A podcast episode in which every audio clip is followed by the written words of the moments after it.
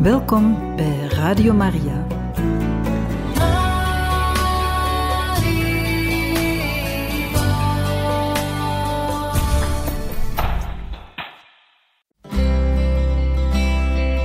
Welkom bij Boekat, een programma van Radio Maria.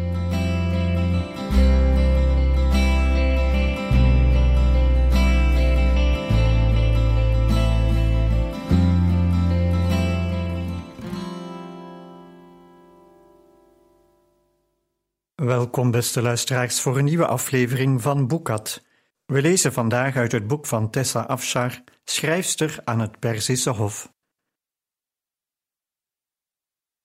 Tegen de tijd dat de zon achter de horizon zakte en we wel moesten stoppen, had de slaap me weer stevig in zijn greep en merkte ik nauwelijks nog dat Darius me op een droog stuk oever plantte en vervolgens met zijn mannen de paarden verzorgde en de tenten opzette. Het was een lange dag geweest en we hadden een flinke afstand afgelegd. In voorgaande jaren, toen ik meetrok in de karavaan van de koning en de koningin op een van hun vele reizen, had ik me verbaasd over de luxe van de mobiele accommodatie. De meeste paleizen haalden het niet bij hun tenten. De hoftechnici hadden een complex bouwsel ontwikkeld van leer en brons met daarin meerdere vertrekken voor uiteenlopende koninklijke functies. Er hingen weelderige gordijnen, geborduurd met zilver en goud, banken ingelegd met juwelen en bronzen pilaren die de illusie opriepen dat we ons gewoon in een van de paleizen van de koning bevonden, en niet slechts in een simpele tent. Ik had gehoord dat de koning en zijn adellijke manschappen ook zo reisden als ze ten strijde trokken. Maar Darius' tenten waren gewone legertenten, draagbaar en licht, zodat een snel paard ze makkelijk kon dragen. Het kon me niet schelen. Als hij me ergens op een stuk dor gras had achtergelaten, had ik het ook goed gevonden. Maar Darius had blijkbaar andere ideeën. Kom, je tent staat klaar, zei hij en hurkte naast me neer. Ik negeerde hem in de hoop dat hij wel weer weg zou gaan en ik verder kon slapen. Sarah, opstaan. Je kunt hier niet blijven. Ja, heer, maar ik bleef gewoon waar ik was. Darius stilde me op en droeg me naar de tent. De opening was behoorlijk laag en hij moest bukken om naar binnen te kunnen. Ik zag door mijn geloken ogen dat de lamp al brandde en dat hij een oprolmatras klaar had gelegd. Hij liet me niet al te zachtzinnig op het dunne ding zakken. Tot mijn verrassing ging hij niet weg. Wel te rusten, zei ik, me afvragend waarom hij rond bleef hangen. Ik kan je hier niet zo achterlaten, zei hij geïrriteerd. Hoe? vroeg ik even geïrriteerd. Sarah, dit was je eerste dag in het zadel en je hebt uren gereden. Als je denkt dat alles nu al zeer doet, wacht dan maar tot morgenochtend. Je spieren zullen volledig verkrampt zijn en dat doet vreselijk zeer. Ik voelde me al een stuk minder slaperig worden. Als dit uw versie is van een bemoedigend woord, mag ik dan opmerken dat het niet helemaal geslaagd is. Het is geen bemoediging, enkel de waarheid. Je hebt dapper geweest, dat besef ik. Er is de hele reis geen klacht over je lippen gekomen. Maar zelfs de grootste moed ter wereld kan je morgen niet in het zadel helpen, als je spieren niet willen meewerken. Ik grijnsde nu van oor tot oor. U vond me dapper. Dat is het punt niet maar ik weet niet wat ik met het punt aan moet. Hij legde een klein aardewerken potje op het matrasje. Dit is een balsem, gemaakt door de magie, tegen spierpijn. Je moet het diep inmasseren, anders werkt het niet. Je kunt het niet gewoon op je huid smeren. Het moet echt diep in het vlees in worden gemasseerd. Begrijp je dat? Ik opende het deksel en snoof de geur van kamille en drop op. Begrepen. Diep inmasseren. Laat zien. Pardon? Ik wil niet hebben dat je een goed medicijn verspilt door het verkeerd te gebruiken. Noch dat wij vanwege jouw stupiditeit te laat in Ekbatana aankomen. Laat me zien dat je weet wat je doet, en dan laat ik je met rust. Die simpele instructies heb ik denk ik wel begrepen hoor. Waar wacht je dan nog op? Ik wil ook graag gaan slapen, als je het niet erg vindt. Opeens besefte ik dat hij deze tien dagen durende reis al een keer had gemaakt om thuis te komen en daar een noodgeval aan te treffen en een stervende hond, met weinig slaap, en dat hij vervolgens de afgelopen drie uur ook mijn gewicht tegen zich aan had moeten voelen. Het spijt me, zei ik, en dwong mezelf overeind te komen. Hoe sneller ik deed wat hij zei, hoe eerder hij zich terug zou trekken om te gaan rusten. Ik beet op mijn onderlip en trok de zoom van mijn broek tot op kuithoogte. Ik liet mijn vingers diep in het potje zakken en pakte een beetje balsem. Aanvankelijk deed ik mijn best het spul diep in te masseren, maar ik had niet gerekend op de pijn die een simpele aanraking al opleverde. Het was alsof mijn hele onderlijf één grote blauwe plek was, die waar ik ook kwam zeer deed. Ik beet mijn tanden op elkaar en deed mijn best te doen wat Darius vroeg. Natuurlijk deed ik het verkeerd. Hij duwde mijn hand opzij en begon mezelf te masseren. Ik piepte bij zijn aanraking, maar vergat mijn zijne aangezien de pijn het overnam. Ik verborg mijn gezicht in mijn arm om het niet uit te schreeuwen. Hij stopte. Zo dus, zo moet je het aanbrengen. Ik knikte en ging rechtop zitten. Ga ik doen. Laat het me dan zien. Ik pakte wederom de balsem en deed mijn best zijn bewegingen te imiteren. Hij onderbrak me weer. Dat is niet goed. De zalf werkt niet als je het zo doet. Ik zal het moeten doen. Nee, wat bedoelt u? Ik rijd morgen, echt beloofd. Ik zal niemand tot last zijn. Ik zal niet klagen. Sarah, je hebt geen flauw benul. Zonder deze behandeling ben je, ben je morgen niet in staat bij zonsopkomst verder te rijden. Hij dulde geen enkele tegenspraak meer, pakte het potje en een flinke voorraad balsem, waarna hij eerst de ene kuit te lijf ging en vervolgens de andere. Mijn schaamte verbleekte bij mijn pijn. Ik zette mijn tanden op elkaar en deed mijn best mijn kreunen in te slikken. Toen hij klaar was, had ik nauwelijks nog de kracht om een zucht van verlichting te slaken. Ik trok mijn broekspijpen omlaag. Dank je wel. Hij leunde achterover en bewoog niet. Hij had die uitgestreken blik in zijn ogen, die meestal onheil betekende. Voor mij dan. Plotseling begon het me te dagen. Hij was nog niet klaar. Ik kneep mijn ogen dicht en bad. Alsjeblieft, God, heb erbarme. Er is meer, zuchtte ik. De ergste pijn ga je morgen bij je dijen voelen. Als ik meer dan alleen op papier zijn echtgenote was geweest, dan zou deze situatie hooguit wat letterlijke pijn hebben opgeleverd. Maar we waren nog op geen enkele manier intiem geweest. Hij had me nog niet aangeraakt zoals een bruidegom zijn bruid aanraakt. En dat maakte het idee dat ik me daar door hem moest laten masseren angstaanjagend. Wederom besefte ik ook hoe langer ik me verzette, hoe later hij pas naar bed kon.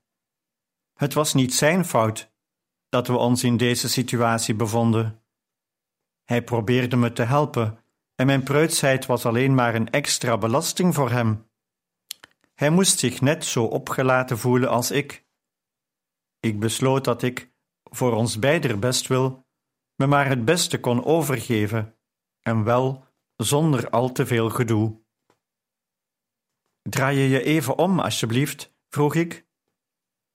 Hij keek een moment lang verrast, en ik dacht dat ik in het zachter worden van de lijnen rond zijn mond een zekere waardering zag. Hij draaide zich om en ik concentreerde me op het losmaken van mijn broek. Vervolgens trok ik de tuniek zo ver mogelijk omlaag en legde een laken over me heen, terwijl ik op mijn buik ging liggen. Ik ben er klaar voor, zei ik. Hij had gelijk. De binnenkant van mijn dijen was er het ergste aan toe. Hij deed zijn best voorzichtig te zijn. Maar ik viel bijna flauw van de pijn. Toen hij eindelijk, eindelijk echt klaar was, zei hij: Het spijt me dat ik je zoveel pijn moest doen. Het is niet uw fout, zei ik, mijn gezicht nog steeds onder het laken begraven. U hebt me erg geholpen. Dank u. Ik wek je voor zonsopkomst, zei hij, en aan het geluid van de tentflap leidde ik af dat hij naar buiten was gegaan. Ik kan me van de rest van de reis niet veel meer herinneren dan dat het oneindig leek. Hoewel we in tien dagen bereikten waar de karavaan van de koningin in de regel drie weken voor nodig had. Na drie dagen begon mijn lichaam genoeg gewend te raken aan het rijden, om niet elke dag zo vreselijk spierpijn te hebben. Tegen het einde van de tocht kon ik goed genoeg op een paard zitten, om enigszins te voldoen aan het beeld dat mijn Perzische aristocraat had van een goed ruiter. Zelfs op de hoge bergpassen, in alles ver verwijderd van de omvang en het comfort van de koninklijke wegen, zat ik er zelfverzekerd rechtop.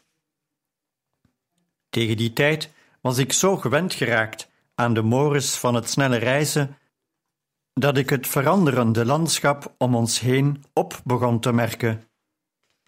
De zinderend hete woestijn maakte plaats voor steppen, die weer opgevolgd werden door bergwanden vol bomen en adembenemende bossen.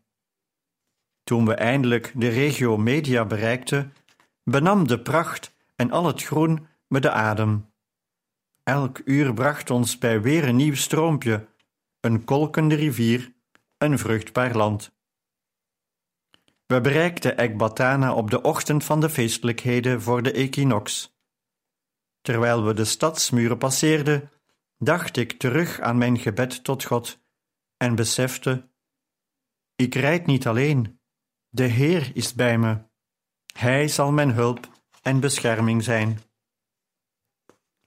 Ik dacht aan al die praktische problemen die me nog wachten, me voorbereiden op een koninklijk feest zonder pari om me te helpen, er presentabel uitzien, zodat ik de schande die ik Darius op onze trouwdag had berokkend, misschien een beetje kon compenseren. De vragen van de koningin, die ongetwijfeld op me af zouden worden gevuurd. Dit keer werd ik echter niet overweldigd door angst, maar voelde een onverklaarbare vredigheid. Ik wist hoe makkelijk het was te mislukken, hoe verkeerd ik deze avond aan kon pakken. Maar terwijl ik me aan God overgaf, voelde ik me meer getroost door Zijn kracht dan angstig door mijn eigen zwakte. Ekbatana was kleiner en ouder dan Persepolis. Maar iedereen kende de fameuze pracht uit talloze nieuwe en oude verhalen. Ik was er weliswaar eerder geweest, maar de aanblik van die bewerkte, vergulde pilaren, de cederhouten plafonds met balken vol bladgoud en zilver, bleef adembenemend. Het was alsof het hele complex mij ervan beschuldigde het niet waar te zijn door deze gangen te mogen lopen. Darius en ik waren voor de duur van ons verblijf in het paleis ondergebracht. Ik had verwacht dat mijn kamer in het vrouwenverblijf zou zijn toebedeeld. Maar tot mijn schrik stelde ik bij aankomst vast dat het verblijf voor ons twee was bedoeld. Dat was een schok. En vermoedelijk een van Damaspia's snode plannetjes. Ik probeerde er maar niet aan te denken wat voor reden ze gehad kon hebben voor een dergelijke ongebruikelijke regeling. Misschien had ze weer met de koning gewet. Onze vertrekken waren behoorlijk krap en er zou geen plek zijn voor Darius Knecht of Pari.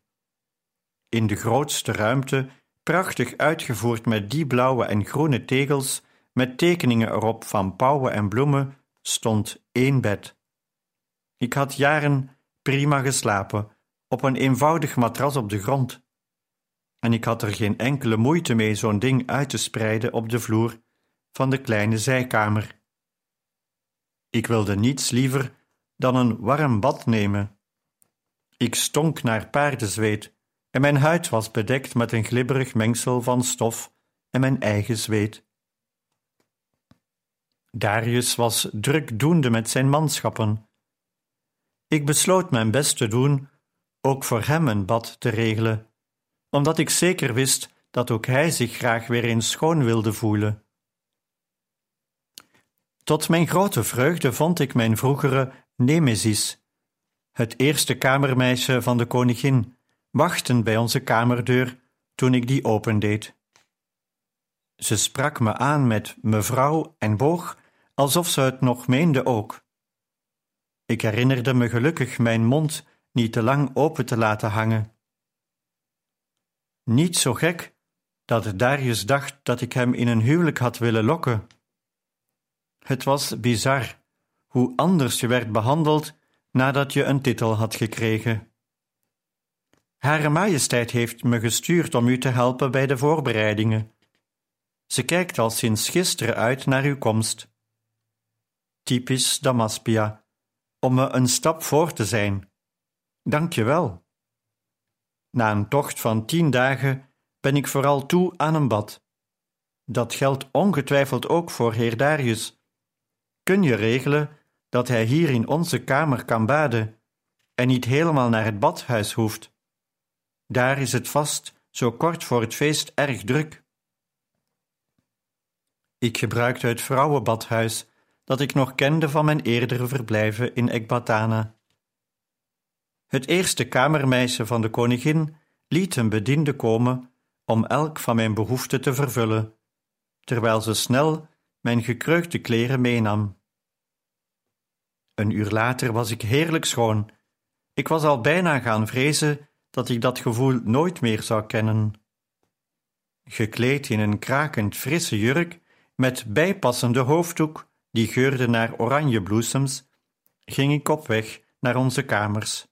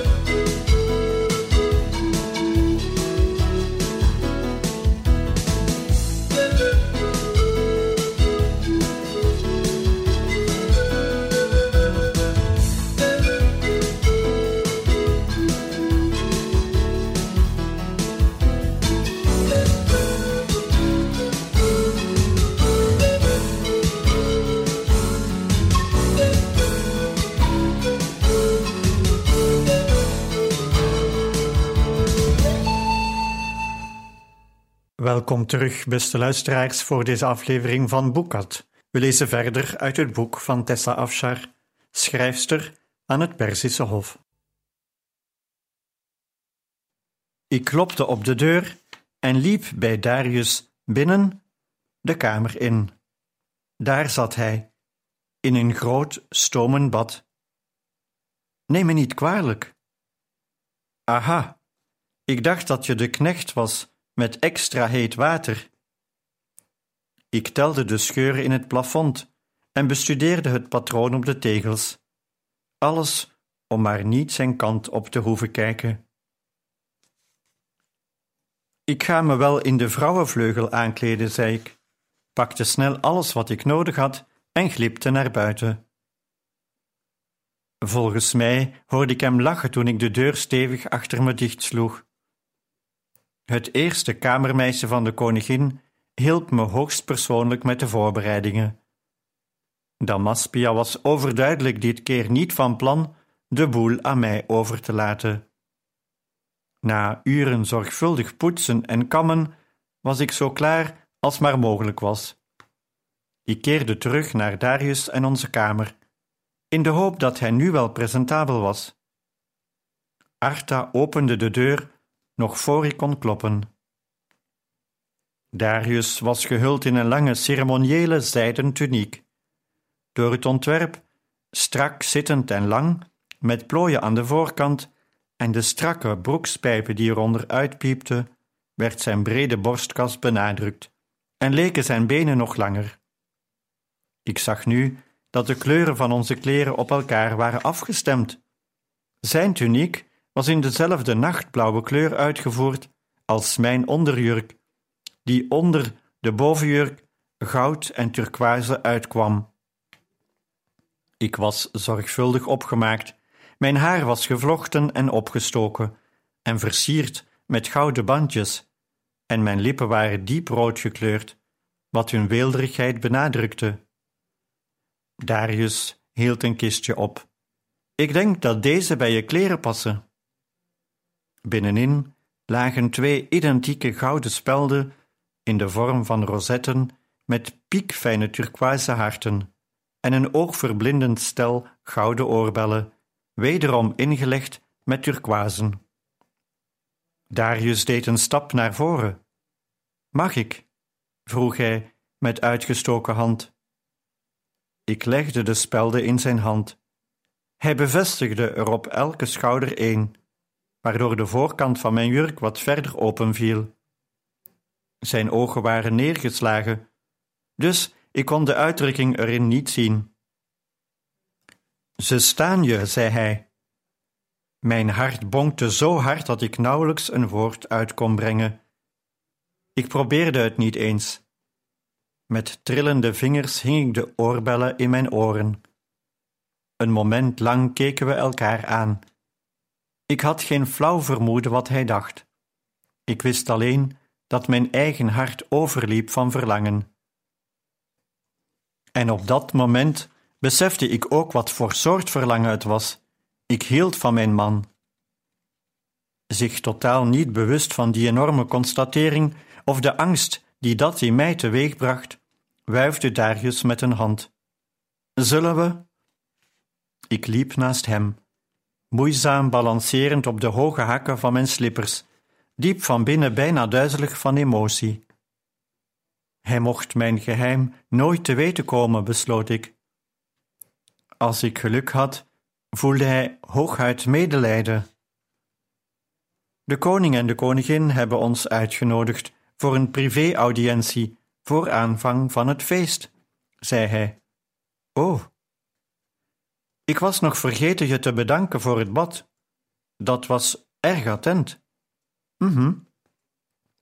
Ik heb je volgens mij nog nooit zo spaarzaam met woorden meegemaakt. Is er iets? Uh, nee. Natuurlijk is er iets. Ik ben verliefd op u en u kunt me nauwelijks om u heen verdragen, dacht ik. De paleiswachten haasten ons naar binnen. De koning kwam van zijn troon en bleef voor ons staan.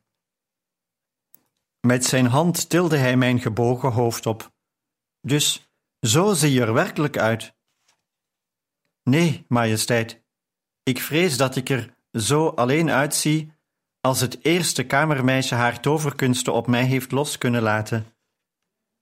Artaxerxes bulderde van het lachen. Een eerlijke vrouw. Hij wendde zich tot Darius. Wat vind je nu van je bruid, neef? Ze ziet er in elk geval een stuk beter uit. Ik heb gehoord dat ze nog veel meer heeft gedaan.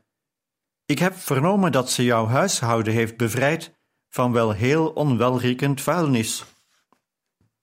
Hoe kunt u dat nu weer weten, majesteit? We zijn net in Ekbatana aangekomen.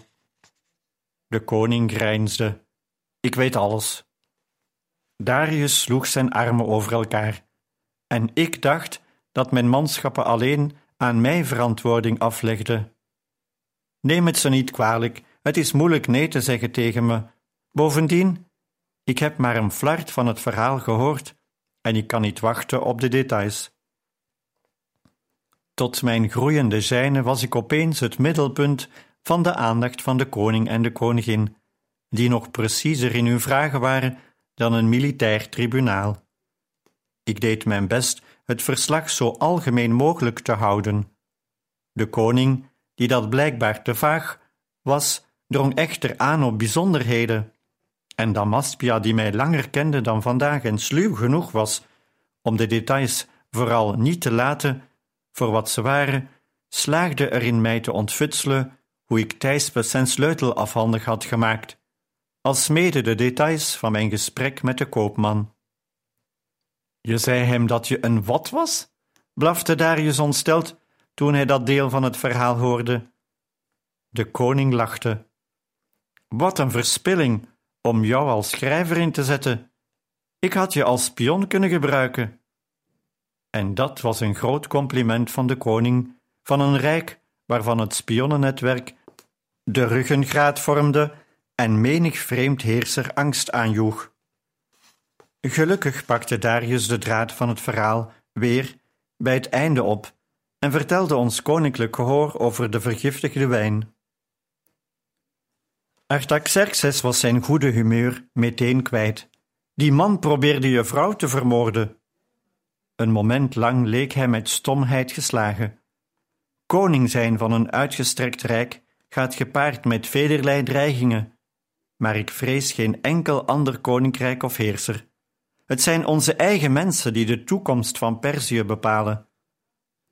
Als we mannen als jouw rentmeester baren en opvoeden, dan zal hun bedrog ons uiteindelijk leven begraven in de raderen van de geschiedenis.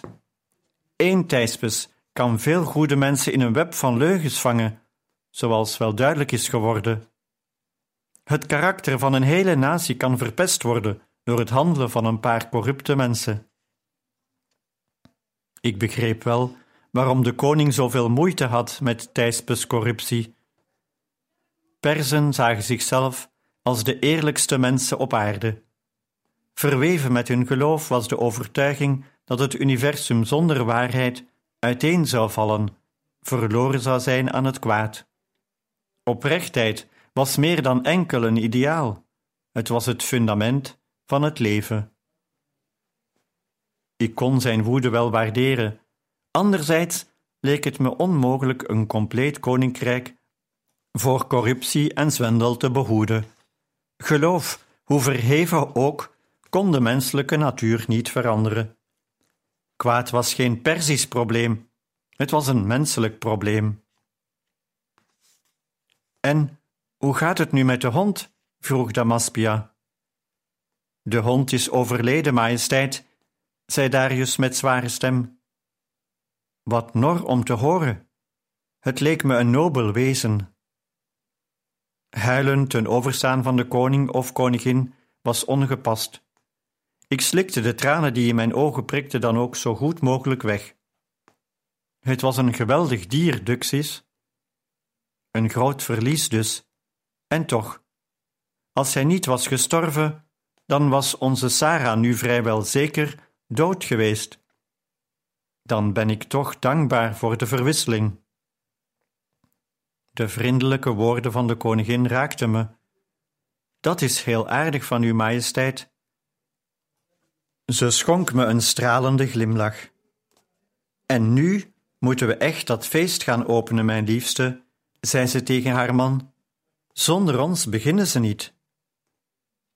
Terwijl we door een brede gang liepen met aan weerszijden de immer aanwezige elitetroepen die de koning bewaakten, de onsterfelijken, richtte Damaspia zich tot mij. Ik wil je nog zoveel meer vragen. Ik heb je de hele zomer niet gezien. Waarom ga je morgenochtend niet mee op jacht? Het is een intiem samenzijn van een paar goede vrienden, en we zullen alle tijd hebben om bij te praten.